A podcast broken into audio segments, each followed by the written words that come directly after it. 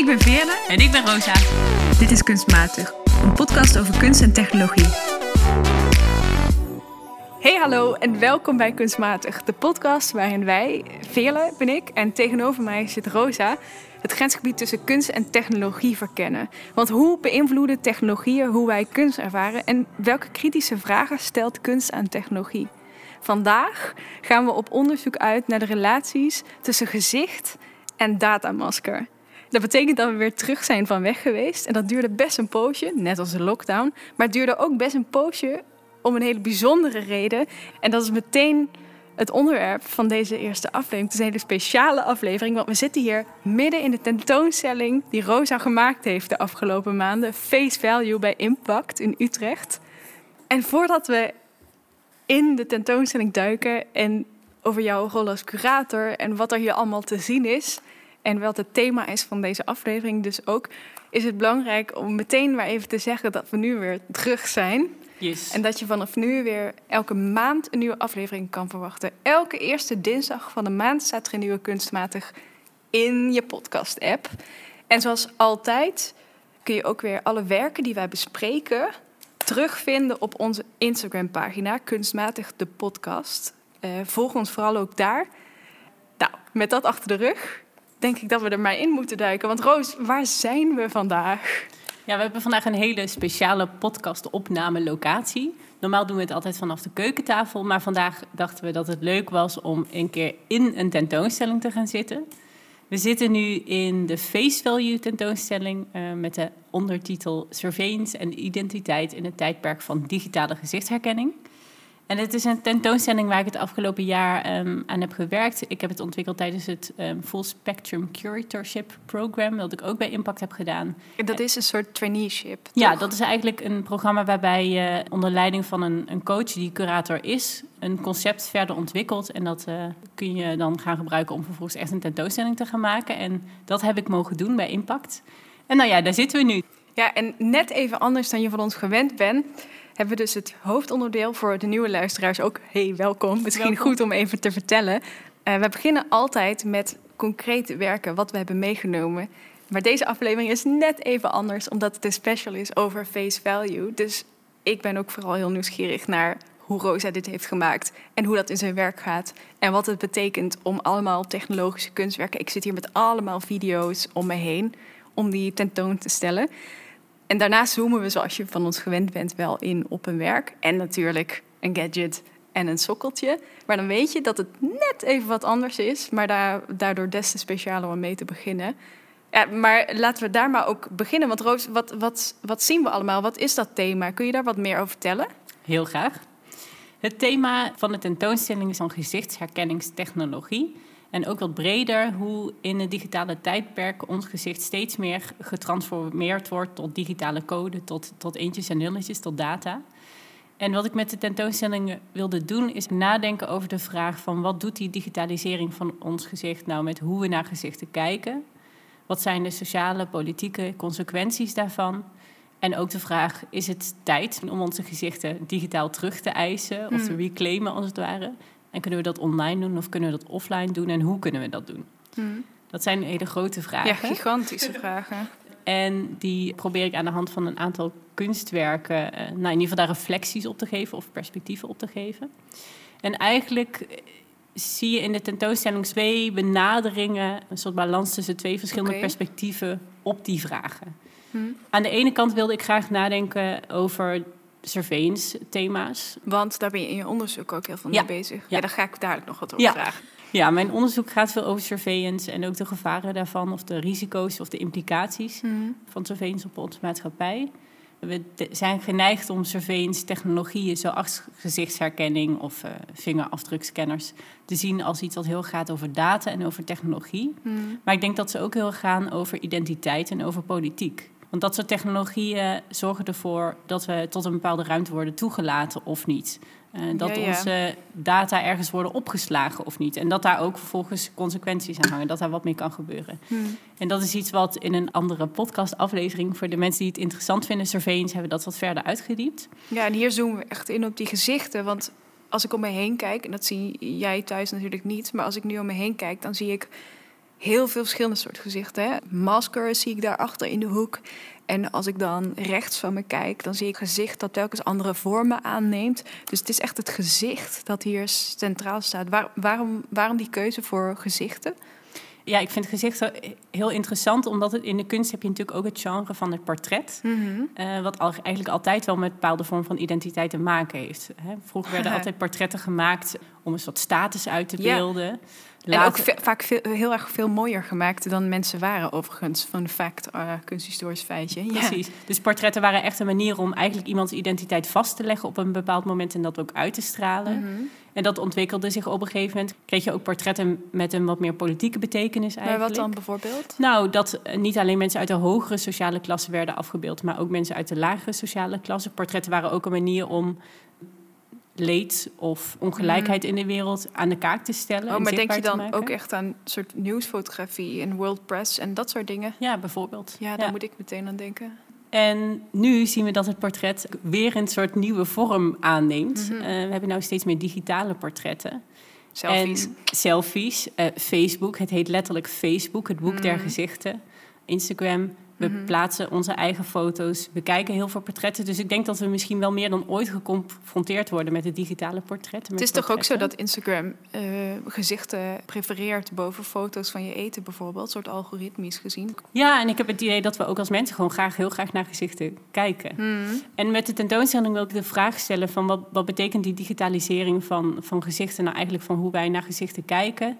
Gaat er misschien ook iets van complexiteit verloren in de transformatie van, van um, fysiek lichaamd gezicht mm. naar data. En ja, dat heb ik met de tentoonstelling, heb ik een aantal kunstwerken bij elkaar gebracht die daar een reflectie op geven. Dus mhm. uh, ik kijk nou bijvoorbeeld tegen het werk van Heather Dewey Hackborg aan. In dat werk heeft ze zichtbaar gemaakt in een aantal prints mm. wat voor een gezichtsdetectiesysteem een gezicht is.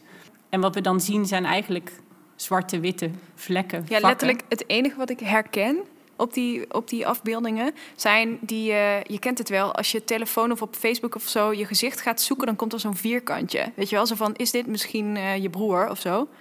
Dat is het enige wat ik op die afbeeldingen herken. Precies. Ja. En wat we zien is dat wat er herkend wordt of wat er gedetecteerd wordt, dat is dus een, een witte ovaal. Hmm. Dus voor, een, een voor machine vision noemen we dat dan, hè, voor de blik van de technologie van zo'n gezichtsherkenningssysteem, is dat het menselijk gezicht. Terwijl voor ons zit er eigenlijk heel weinig betekenis aan.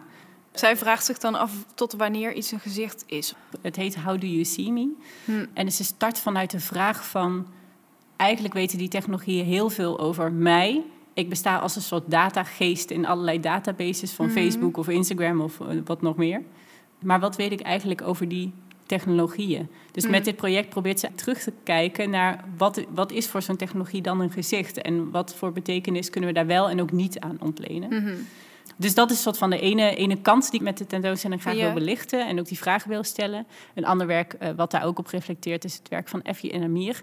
Ook al te horen in de Surveillance ja, aflevering. Dus gaan we niet daar moet je echt even in. voor teruggaan om daar meer over te horen. Het is ook een heel mooi werk wat, wat een langere uitleg verdient. Maar heel kort gezegd reflecteert het op, op stemherkenningssystemen en hoe die ook gebruikt worden in uh, asielprocedures. Mm.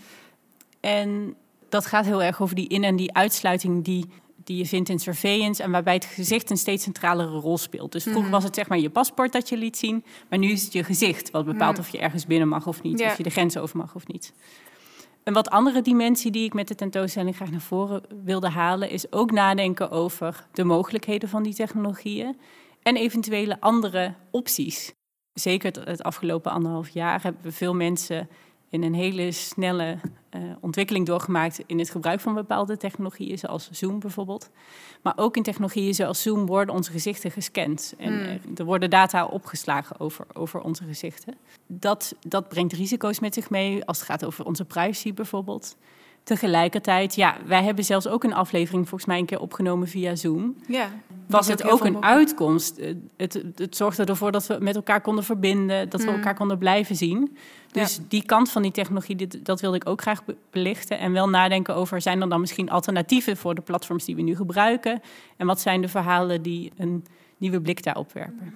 Misschien voordat we nog verder inzoomen op een specifiek werk, is misschien ook nog wel, ja, waar ik gewoon nieuwsgierig naar ben, is, ja, we hebben het natuurlijk altijd over uh, de manieren waarop kunst nieuwe reflecties biedt op technologie of zoals je nu zegt, soort nieuwe mogelijkheden exploreert.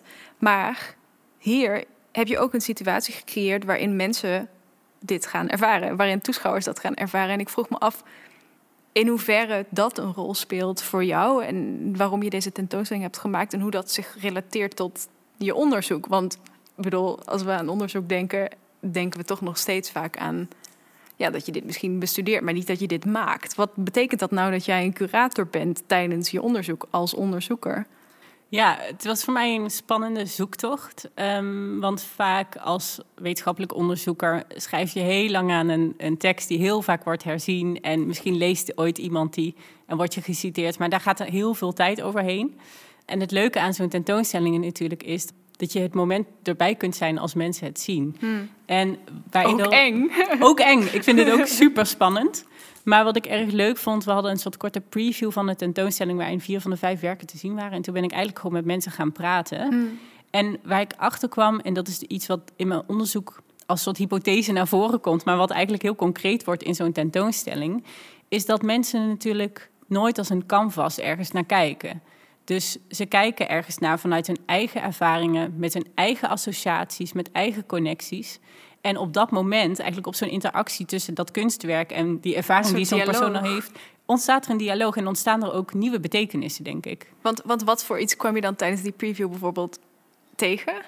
Uh, nou, heel, echt heel veel interessante gesprekken. Er was bijvoorbeeld iemand die was een data scientist uit Hongkong. Oké. Ja. En die was in Utrecht? Nee, je gelooft het niet. Die was aan het praten met iemand over gezichtsherkenning en de gevaren daarvan. Toen liep ze bijna tegen het bord aan van de tentoonstelling. En toen is ze naar binnen gekomen. Het lijkt een soort, uh, nou ja, sprookje, maar het is wel echt waar. En ik heb een heel interessant gesprek met haar gehad. Want als in Hongkong, uh, als het gaat om gezichtsherkenning, is die technologie heeft, heeft hele dystopische vormen aangenomen. Hmm. Het wordt heel veel gebruikt bij protesten daar, tegen de regering ook. En om mensen, op te sporen. Om mensen op te sporen en te hmm. vervolgen. En het is zelfs zo erg dat mensen bijvoorbeeld geen paraplu's mee mogen meenemen bij een demonstratie. Omdat ze dat gebruiken om gezichtsherkenning tegen te gaan. Om zichzelf daar, daartegen te weren. Hmm. Dus er zijn eigenlijk steeds minder mogelijkheden voor mensen daar die protesteren om zichzelf te weren tegen die technologie, te wapenen echt. En zij vroeg mij van wat zijn nou, wat zijn nou mogelijkheden en wat zijn de gevaren van dat soort technologieën. Dus daar hebben we een heel mooi gesprek over gehad. Iemand anders had weer een hele andere invalshoek. Zij was therapeut. En zij vertelde dat het in haar werk bijvoorbeeld heel belangrijk is dat zij goed gezichten kan lezen en herkennen. Hmm. En dat vond ik ook een hele interessante invalshoek, omdat nou ja, daar gaat het juist heel erg om lichamen kunnen zien. En ook hoeveel er verloren gaat op het moment dat je elkaar alleen nog maar digitaal hmm. ziet. Dan, dan kun je veel minder emotie aflezen. Je, je kunt veel minder de subtiele bewegingen van het gezicht uh, ja, zien. ontwaren en zien. Ja. Ja, dat hebben we allemaal wel meegemaakt, denk ik. Dus zo zie je maar weer hoe iemands invalshoek in een tentoonstelling voor iedereen weer anders is. En er ook andere gedachten en gedachtegangen en kritische reflectieprocessen mhm. starten. En dat vind ik als onderzoeker gewoon heel interessant om te zien. Van uh, ja, wat voor associaties maken mensen, wat voor gesprek komt er dan op gang? Uh, kunnen we daar wat van leren? Wat kan ik daar ook van leren? Ik vind het heel leuk om met mensen daarover te praten. Dus um, dat is als onderzoeker wel erg waardevol. Ja, cool. En wat ik daarnaast ook leuk vind, um, in mijn onderzoek gaat dus over tentoonstellingen over het thema surveillance. En, joh, joh. You don't say. Sorry. En, en, wat, ik, wat ik interessant vind aan een tentoonstelling is dat het verschillende werken samenbrengt. Maar ook dat die werken weer verschillende betekenissen krijgen door elkaar. Dus ik heb met die hmm. tentoonstelling probeer ik door die verschillende perspectieven ook te nemen, ook de werken een beetje met elkaar in gesprek. Ja, ze staan niet letterlijk tegenover elkaar. Precies. En uh, zo was het heel leuk met de opening. Begon de kunstenaarsduo Effie en Amir weer een invulling te geven van wie Algoom werkt, dat daar te zien is. En dus ik vond het ook heel leuk hoe die kunstenaars met elkaar in gesprek uh, waren. Maar ik denk ook dat in een tentoonstelling kunstwerken ook met elkaar in gesprek zijn. Hmm. Het is eigenlijk een soort machine op zich die je hebt gemaakt. Ja, eigenlijk wel. Het werkt op zichzelf. Dat is echt uh, dat is mooi. Ja. Maar je wilde één werk specifiek meenemen. Ja. En dat is eentje die ik nog niet zo heel goed heb bekeken, expres, in, uh, in onze eigen traditie. Dus wat heb jij meegenomen? Wat heb je meegenomen? Het is een beetje gek, want als ik vijf meter zou lopen, zou ik in het werk staan. Maar ik hou me nog even in. Wat heb je meegenomen? Ik wil het graag met jou hebben over het werk Face to Face van kunstenaar Ningli Zhu. As a routine, I'm working on my computer most of the time. Where I can feel an extended space between us. A blurred area where me, technology, and the rest of the world merge together. Shapes, grids, colors, pixels, codes, these are my languages. To build up a sense of connection to this world. Face-to-face is een werk wat uh, emotieherkenningstechnologie onderzoekt. Maar kort gezegd gaat het heel erg over de interactie van mens en machine, uh, van mens en technologie. En de mogelijkheden die technologieën kunnen bieden voor mensen met sociale angsten. En wat ik interessant vond en vind aan het werk, is dat het me ook confronteert met soms mijn eigen blinde vek. Ik merk dat ik zelf heel graag offline contact heb en mensen aankijk. Um, en wat de kunst, het is een autobiografisch video-essay. En wat de kunstenaar ons via het video-essay vertelt, hoe zij soms in sociale interacties in een niet-virtuele omgeving heel veel angsten ervaart, waardoor ze zich niet goed kan uitdrukken. Zowel als het gaat over hoe de gezicht kan bewegen, als in wat ze durft te zeggen. Hmm. En ze zegt, de, de, momenten dat ik juist online interacties heb en me kan verstoppen achter een avatar of achter een emoji. Um, of chat of zo. Of chat. Dan voel ik me eigenlijk veel vrijer en dan kan ik veel beter zijn wie ik, wie ik ben. En het video-essay reflecteert daarop. Aan het einde werkt ze ook toe naar het soort beeld van een cyborg. Ze vraagt zich af van wat zegt dat over mij als mens? Als ik die online interactie prefereer boven de offline interactie, ben ik dan eigenlijk al een soort cyborg? Dus dat vond ik een interessante vraag als het gaat over nou ja, face value, de waarde van het gezicht en de betekenis van het gezicht in deze digitale tijd. Maar ik vind het ook een hele kwetsbare vraag. Alsof je, als je het moeilijk vindt om fysiek contact te maken. Of als je het, nou, laat ik het zo zeggen, als, als je het makkelijker vindt om via digitale wegen menselijk contact te maken, sociaal contact te maken, dat je je dan afvraagt of je dan nog wel helemaal mens bent. Is een beetje cru geformuleerd misschien, maar ik vind dat een hele kwetsbare, hele emotionele vraag. Ja, en ik denk dat het autobiografische deel van het werk komt ook wel uit de, de ervaring van de kunstenaar zelf. Dat hmm. vind ik heel, heel mooi daaraan, dat ze het zo bij zichzelf houdt. Het gaat eigenlijk over hele grote thema's, maar het gaat ook over iets heel kleins en iets heel, heel hmm. persoonlijks. Wat ik een ander interessant element vind van het, van het werk, we zien op een gegeven moment heel veel maskers verschijnen. En, ja. uh, Wat voor maskers? Nou, we zien houten maskers, maar ook digitale maskers en allemaal afbeeldingen van maskers. Die komen naar voren in het video. Beetje van die klassieke maskers die je in Picasso-werk of zo zou zien. Ja, precies. Of uh, in een etnografisch museum bijvoorbeeld. En, en die figuur van die masker vind ik natuurlijk ook wel heel interessant als het gaat over de waarde van ons gezicht. En de vraag van, houden we online een masker op? Je kunt je natuurlijk deels anders voordoen dan je bent. Uh, de kunstenaar zegt zelf, ik kan me veel beter uitspreken, ik kan me hmm. veel beter uitdrukken. Hmm. Maar ja, offline dragen we natuurlijk ook maskers in de vorm van... je speelt een, altijd een andere rol in een andere context. Dus hoe, hoe verschillend is dat nou wel of niet? Dat is een vraag die het kunstwerk stelt op een, een hele open manier, denk ik. Dus het gaat in haar werk heel erg over de mogelijkheden. Niet zozeer kritisch, maar meer een open vraag. En tegelijkertijd uh, zie je ook in haar werk op een gegeven moment dat haar gezicht herkend wordt. En dan zie je allemaal cijfertjes en dan wordt haar etniciteit beschreven en haar gender beschreven. Hmm. En dat is weer dat andere verhaal. Dus daar zie je heel erg van iets wordt maar omgezet tot code. Haar emotie wordt afgelezen en dat is slechts dit. Ja, die beide kanten zitten er denk ik wel een beetje in. Ja. Ik heb het natuurlijk net even gezien. Nu hebben we het tijd gehad over wat er op de schermen te zien is. Maar het werk heeft, anders dan we net bespraken, net hadden we het over hoe die werken met elkaar in dialoog gaan in de ruimte en zo. Maar dit werk heeft een soort eigen plekje gekregen. Hoezo? En kan je daar wat mee? In? Ik heb wel een idee inmiddels, omdat je het ook over haar eigen problemen met dat contact hebt. Maar kun je daar wat meer over vertellen? Ja, ik heb ervoor gekozen om het werk tentoon te stellen in een rondje van gordijnen. Witte gordijnen. Witte gordijnen. Echt van die flowy witte gordijnen. Alsof je een soort klamboe binnenloopt, voelde, voelde het voor mij. Ja, maar dan totaal ondoorzichtig. En het leuke vind ik zelf dat als je in die ruimte staat, we hebben bijvoorbeeld blauw licht gebruikt, dus het ziet er ook een beetje, ja, krijg dreamy uit. Dreamy en ook een beetje zo'n digitaal effect heeft het op de een of andere mm. manier. Maar als je in die ruimte staat, lijkt het net alsof je in een andere ruimte bent. Je bent even afgezonderd van de rest.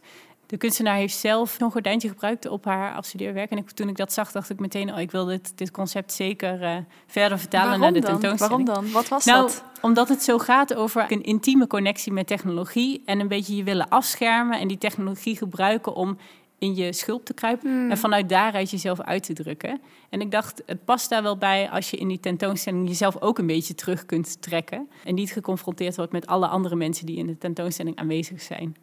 Super mooi.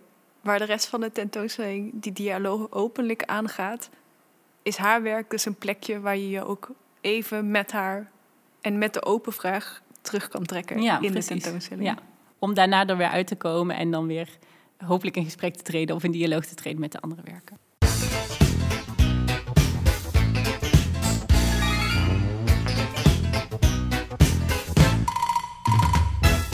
Deze keer in Gekke Gadgets hebben we natuurlijk ook iets uit de tentoonstelling. Het is niet precies een gadget, maar het is wel iets wat je zelf thuis kunt uittesten. Het gaat om het kunstproject, maar eigenlijk meer het online platform We Algo. Ontwikkeld door kunstenaar en fotograaf Martine Stieg en programmeur Stef Koolman. Het is een, nou, het is toch wel een platform met gadgetpotentie, vind Absoluut. ik. Eh, het is dus ook onderdeel van de tentoonstelling, maar je kan er gewoon thuis mee aan de slag. Dat is wat ik heb gedaan, eh daarmee geëxperimenteerd. Wat het is, is eigenlijk een alternatieve ruimte. Normaal, eh, ik weet niet hoe het met jou zit, maar ik heb heel veel in eh, Teams meetings gezeten en Zoom rooms en meeting rooms en waiting rooms, et cetera, et cetera. Nou, dit is ook zo'n room, maar dan op een heel andere manier. Want je gezicht wordt een soort masker hier. En misschien kun je daar iets meer over de achtergrond vertellen. WeAlgo is een soort online experiment en inderdaad een soort alternatief voor de platforms die we kennen. En op WeAlgo communiceer je via een digitaal masker. Het project speelt heel erg met ruimte. Dus normaal met videobellen is het letterlijk dat. Je belt met een video. Eh, maar in WeAlgo zweef je door de ruimte. En dat doe je door je neus eigenlijk links, rechts of naar boven of naar beneden te bewegen. Ja, en als dit was mijn eerste associatie, dus ik ga hem maar gewoon even delen. Je zweeft door de ruimte zoals vroeger, als je dan op je Windows computer van je ouders, als dan Ja. de screensaver aanging, ging daar zo'n logootje zo heel traag zo naar de hoek en dan was hij bij de hoek en dan bounced die terug. Ja. Zo zweeft jouw gezicht door die ruimte. En wat er dan met jouw gezicht gebeurt, dat is eigenlijk het bijzondere van dit platform. Want in plaats van dat je dus een video van je gezicht ziet, maken ze op basis van 68 punten een soort representatie van je gezicht. Dus die, die 68 punten zijn bijvoorbeeld de hoeken van je neus en je wenkbrauwen en je mond. Het ziet er een beetje uit, ja, als je van die eh, soort standaard eh, eh, virtual reality plaatjes hebt, dan zie je ook met van die rode puntjes over je gezicht. Op je kenmerkende stukken van je gezicht, als het ware. En die detecteert het platform. En dan op basis van die puntjes mag jij eigenlijk zelf een masker, een soort avatar voor jezelf maken. En die ben jij dan. Dus jouw mond beweegt ook daarmee en je wenkbrauwen bewegen daarmee. Het is heel grappig. Want als je iemand niet kent, denk ik niet dat je diegene op straat gaat herkennen. Als Nee. je daar dus mee afgesproken hebt in zo'n ruimte, in zo'n videocall. Want het is nog steeds een soort videocall, denk ik. Maar als je diegene wel kent, dat is heel komisch. Want dan herken je dus wel iemands gezicht. Want blijkbaar ben je ook heel erg gewend aan hoe iemands ogen staan ten opzichte van haar mond en dergelijke. In, eh, in de tentoonstelling kun je het zelf uitproberen. En dan kun je op de gang in WeAlgo. En dan verschijn je in de tentoonstelling. En iemand die ik heel goed ken, die eh, liep hier de tentoonstelling binnen. En die zag het gesprek tussen mij en Martine. eh, wat je ziet als er niemand in uh, WeAlgo op de gang te zien is. En die zei meteen, oh, dat ben jij. Ik herken je meteen, omdat je heel actief aan het luisteren bent. Dus blijkbaar als ik luister, knik ik heel vaak... of maak ik bepaalde bewegingen met mijn gezicht. En dat herkende hij Grappig. aan het scherm. Dus aan de ene kant is het een, een, een gemaskerd bal bijna online. Aan de andere kant wordt je gezicht dus wel herkend. En goed om te zeggen is dat WeAlgo wel gebruik maakt van gezichtsherkenningstechnologie. Oké. Maar het is een web-based project. Wat betekent dat er geen data worden opgeslagen. Hmm. Het project denkt ook actief na over privacy en wat het betekent dat we nu, nu zoveel gebruik maken van videobellen, bedoel je? Ja, waar Zoom en dat soort technologieën wel onze data op, eh, opslaan. Hè, we gebruiken het zogenaamd gratis, maar je betaalt eigenlijk met je data. Eh, doet WeAlgo dat niet. Eh, dus het is web-based, is ook een kunstproject. Dus daardoor hebben ze financiering en gaan ze ook niks met je data doen. En ze slaan het dus niet op. Dus op het moment dat je je scherm afsluit, is het ook, eh, ja, bestaat je WeAlgo al- alter ego niet meer. Ja, en op de opening van de tentoonstelling was eh, een van de kunstenaressen, of ja, een van de makers ook hier.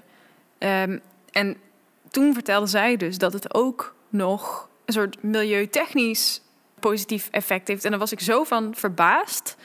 Doordat het dan minder data gebruikt of minder bandbreedte gebruikt, gebruikt het programma uiteindelijk ook veel minder CO2. Zeg ik dat zo goed? Ja, dat klopt. Ik had daar zelf eerlijk gezegd ook niet zo over nooit nagedacht. over nagedacht. Behalve dat je batterij irritant snel leeg is, maar verder Ja. nooit over nagedacht. Maar al het zoomen en skypen en teams van afgelopen jaar is gewoon ontzettende druk op het milieu. Omdat er ook heel veel informatie van de ene naar de andere kant moet worden verstuurd, als het ware. En wie alcohol gebruikt eigenlijk alleen maar een paar punten en strepen. ehm, en heeft een zwarte achtergrond, dus vermindert daarmee het datagebruik tot 95 procent. Ongelooflijk. Ja. Maar het is echt de moeite waard. Daarom is het ook ons gadget deze keer. Het is echt de moeite waard om een keer te gaan proberen om mee te spelen en om een masker voor jezelf te maken, want dat is gewoon heel leuk. Maar ook om een keer een meeting te hebben. En misschien vind je het niet meteen fijner, want het is echt heel anders dan videobellen zoals we het gewend zijn. Maar het is wel de moeite waard om het experiment aan te gaan. Want misschien ga je wel op een heel andere manier luisteren. En misschien verlopen die meetings wel anders dan wanneer je in iemands woonkamer zit binnen te gluren. Dus het is de moeite waard om ook op je werk misschien eens of op je studie eens te zeggen: hey, zullen we eens meeten in WeAlgo in plaats van op Zoom of op Teams of op Skype? Gewoon om te kijken wat dat betekent. Ja, het leuke is dat ik de voorbereidende gesprekken met de kunstenaar ehm, ook in WeAlgo heb gedaan. dat was heel interessant. Eh, ze hadden een soort proefversie van een project dat ze op een conferentie tentoonstelden. En we zouden later de dag daarna een afspraak hebben. En toen ging ik het daar al even uitproberen. En toen kwam ik daar dus de kunstenaar tegen met haar um, uh, alter ego, met haar masker. En zo kwamen we aan de praat. En het is heel speciaal. Je, je luistert meer naar elkaar. En wat ik zelf pret vind, is dat je wel jezelf ziet, maar op een, op een manier die je, waar je zelf voor kiest. Je mag het deels zelf vormgeven. En waar ik heel moe van word bij veel videobellen... is dat je de hele tijd met je eigen gezicht geconfronteerd wordt. En het leuke aan zo'n masker is gewoon dat je ja, op een andere manier ook weer naar jezelf kijkt... en dat ook weer elke keer anders kan vormgeven. Ja, echt de moeite waard dus om zelf eens mee aan de slag te gaan. En het is gewoon online beschikbaar. Dus dan moet je gaan naar wealgo.org. En kom natuurlijk naar de face value tentoonstelling. Dan kun je het uitproberen en dan ben je ook nog te zien in de tentoonstelling zelf. Ja, laten we dat sowieso even afsluiten. Want tot en met 10 oktober Ja. kun je dus in Impact in Utrecht langskomen om de tentoonstelling te bekijken in levende lijven. En ja, die dialoog aan te gaan waar we het over hadden. En dan gaan wij nu langzaam sluipen wij uit de tentoonstelling. Nou ja, niet fysiek gezien, maar wel qua onderwerpen. Om eh, nog even ergens anders naar te kijken. Op een sokkeltje. In Op een Sokkeltje zetten wij elke aflevering iets of iemand, een kunstenaar, een maker, een werk, een tentoonstelling op een sokkeltje. En deze aflevering wilden we dat sokkeltje graag geven aan een werk dat we alweer een aantal jaar geleden zagen eh, op de afstudeertentoonstelling van de KBK, de Koninklijke Academie voor Beeldende Kunst in Den Haag. En dat is het werk eh, The Consulate of Google door Roos Groothuizen. Roos Groothuizen is inmiddels eh, een mediakunstenares die eh, we veel tegenkomen, die super interessant werk we- maakt. Maar dat werk is ons altijd bijgebleven. En het sluit op zo'n interessante manier aan bij het thema van deze aflevering, bij dat idee van een gezicht en een datamasker en wat ons paspoort eigenlijk is en wat de rol van ons gezicht eigenlijk is. Juist omdat een uitstapje erbuiten neemt. Het werk is een installatiewerk. En als je het ziet, zou je niet denken dat het een mediakunstwerk is. Want wat je ziet is drie balies, hokjes, gemaakt van MDF-platen. Ja, een beetje een balie zoals je een gemeente zou binnenlopen. Weet je wel, dat ze zeggen, nee mevrouw, u moet bij loket 3 zijn. Zo die vibe. Met een scherm en een heel groot logo erboven. Maar in plaats van dat dat een soort normaal consulaat is... staat er dus boven, dit is het consulaat van Google. En bij dat consulaat word je geconfronteerd met een best wel spannende vraag. Namelijk, wil jij je telefoon afgeven om op basis daarvan een fysiek paspoort te krijgen... dat je toegang geeft tot het land van Google? En dat is dus letterlijk ook wat de vraag is. Want er zitten gewoon drie medewerkers aan die balie en zeggen... oké, wil je je smartphone inleveren? Nou ja, Spannende vraag. spannend. Oké. En op het moment dat je dat dan doet... je moet wel je code geven, zodat ze ook in je smartphone kunnen... eh, gaan zij met jouw smartphone aan de slag om iets heel specifieks te doen. Namelijk, ze gaan op jouw telefoon op zoek naar jouw Google Ad Profile. Dus jouw advertentieprofiel dat Google van jou bijhoudt. Ze zoeken daar toegang toe en dan gaan ze dat inzien. En dan op basis daarvan gaan ze aan de slag. En ik weet niet of jij als luisteraar al bekend bent met dat Google Ads profiel, maar dat is wel iets heel interessants. Google houdt op basis van je zoek, uh, zoekgeschiedenis, maar ook de e-mails die je verstuurt of andere informatie die je via hun services deelt, allerlei interessante informatie over jou bij, over wat jij interessant vindt of niet. Ja, bijvoorbeeld ook je geslacht houden ze bij. Ze schatten in hoe oud je ongeveer zult zijn op basis van je surfgedrag. En dus inderdaad de talen die je spreekt houden ze bij. Maar inderdaad dus ook interesses, interessecategorieën. Dus vind jij het interessant om naar filmpjes te kijken van waar Italiaanse pasta wordt gemaakt? Of kijk je liever naar filmpjes van automontage? Hmm. Dat zijn allemaal dingen die voor Google natuurlijk heel interessant zijn, omdat ze je op basis daarvan allemaal advertenties kunnen sturen. Ja. En het werk van Roos Groothuizen maakt je daar bewust van door in dat paspoort al die verschillende interesses die Google van jou weet, of die aspecten die Google van jou bijhoudt, uh, af te drukken en zichtbaar te maken. Ja, en dat doet het op een heel specifieke manier. Namelijk Google, ik had opgezocht, Google heeft dus 2042 interessecategorieën. En die zijn heel uiteenlopend. Hè? Dus van films, fantasy tot eten, Italiaans of eh, van alles en nog wat. Het ene obscuurder dan het andere, het ene specifieker dan het andere. En in dat paspoort staan op soort mini-formaat al die interessecategorieën afgedrukt. En degene die niet van toepassing zijn op jou, die worden doorgehaald.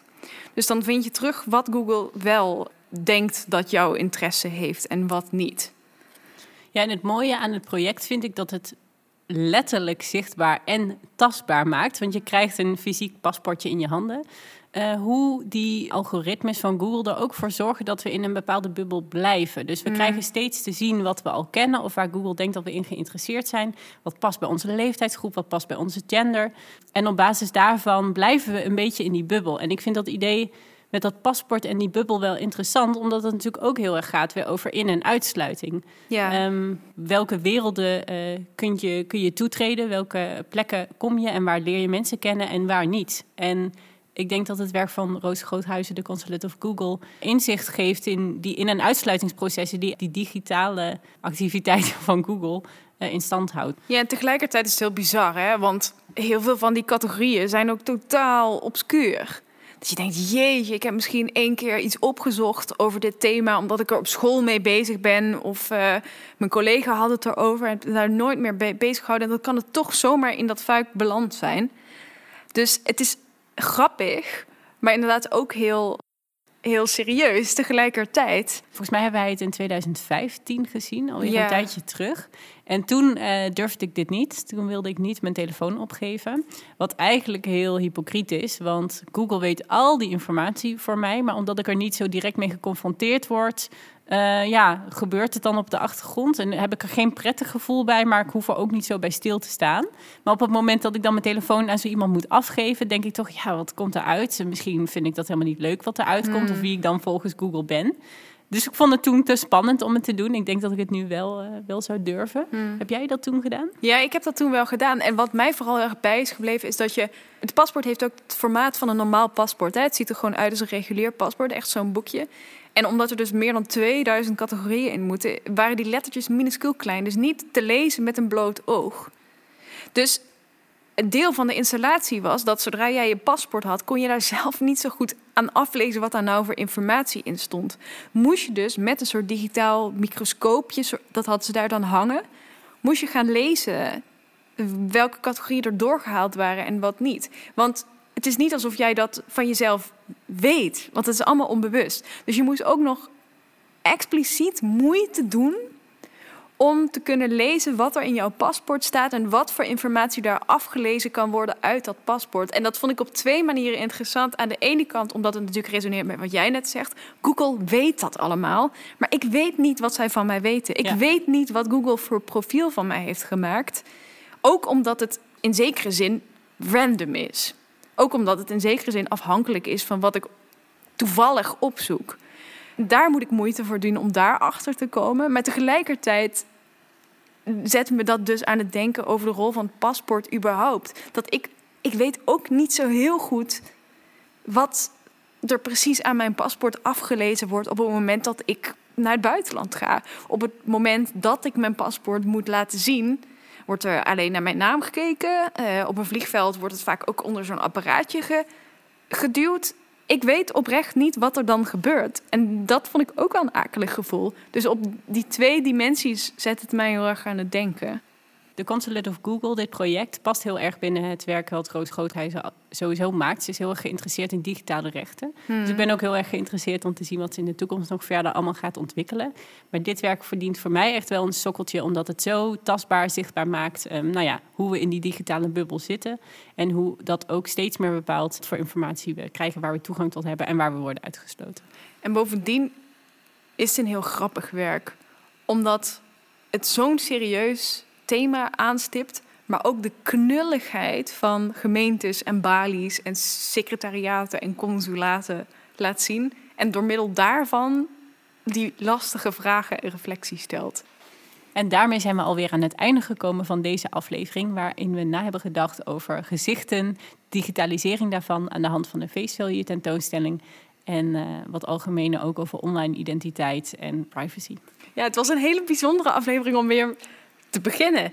Niet alleen omdat we in een fysieke tentoonstelling zitten, wat Eindelijk. heerlijk is, maar ook nog omdat het Rosa's tentoonstelling uh, is, waar ze zo lang aan gewerkt heeft.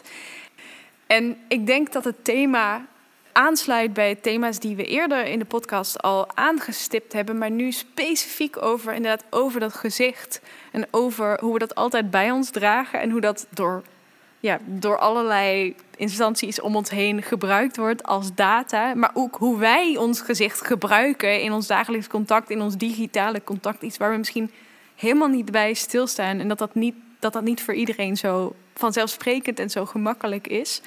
Dus heel erg die persoonlijke kant van gezichten in een digitale wereld en de moeilijkheden daarvan en de kritische kant samengebracht. En dat, dat doet deze tentoonstelling gewoon op een hele bijzondere manier, als je het Ja. mij vraagt. Dankjewel. Zoals ik in het begin al zei, zijn we dus vanaf nu elke maand bij je terug. Elke eerste dinsdag van de maand, 's ochtends vroeg in je favoriete podcast-app. En als je nou op de hoogte wilt blijven, dan kun je ons volgen op Instagram, kunstmatig de podcast. Daar staan ook altijd de aankondigingen naar de nieuwe aflevering. En via onze website www.kunstmatigdepodcast.nl. Ook daar verschijnen de nieuwe afleveringen wanneer ze online komen. En wil je nou meer weten over de werken waar we het over gehad hebben, over de tentoonstelling, wil je weten waar je die kunt bezoeken? Check dan even de show notes, beschrijving van deze aflevering, want daar vind je alle linkjes die je maar nodig hebt. En we vinden het ook altijd leuk om opmerkingen, feedback of tips te ontvangen. Heb jij nou een kunstwerk of een tentoonstelling gezien waarvan je denkt: dit moet echt een kunstmatig besproken worden? Stuur ons een mailtje of een DM, dat vinden we leuk. En uh, hopelijk tot de volgende aflevering van Kunstmatig.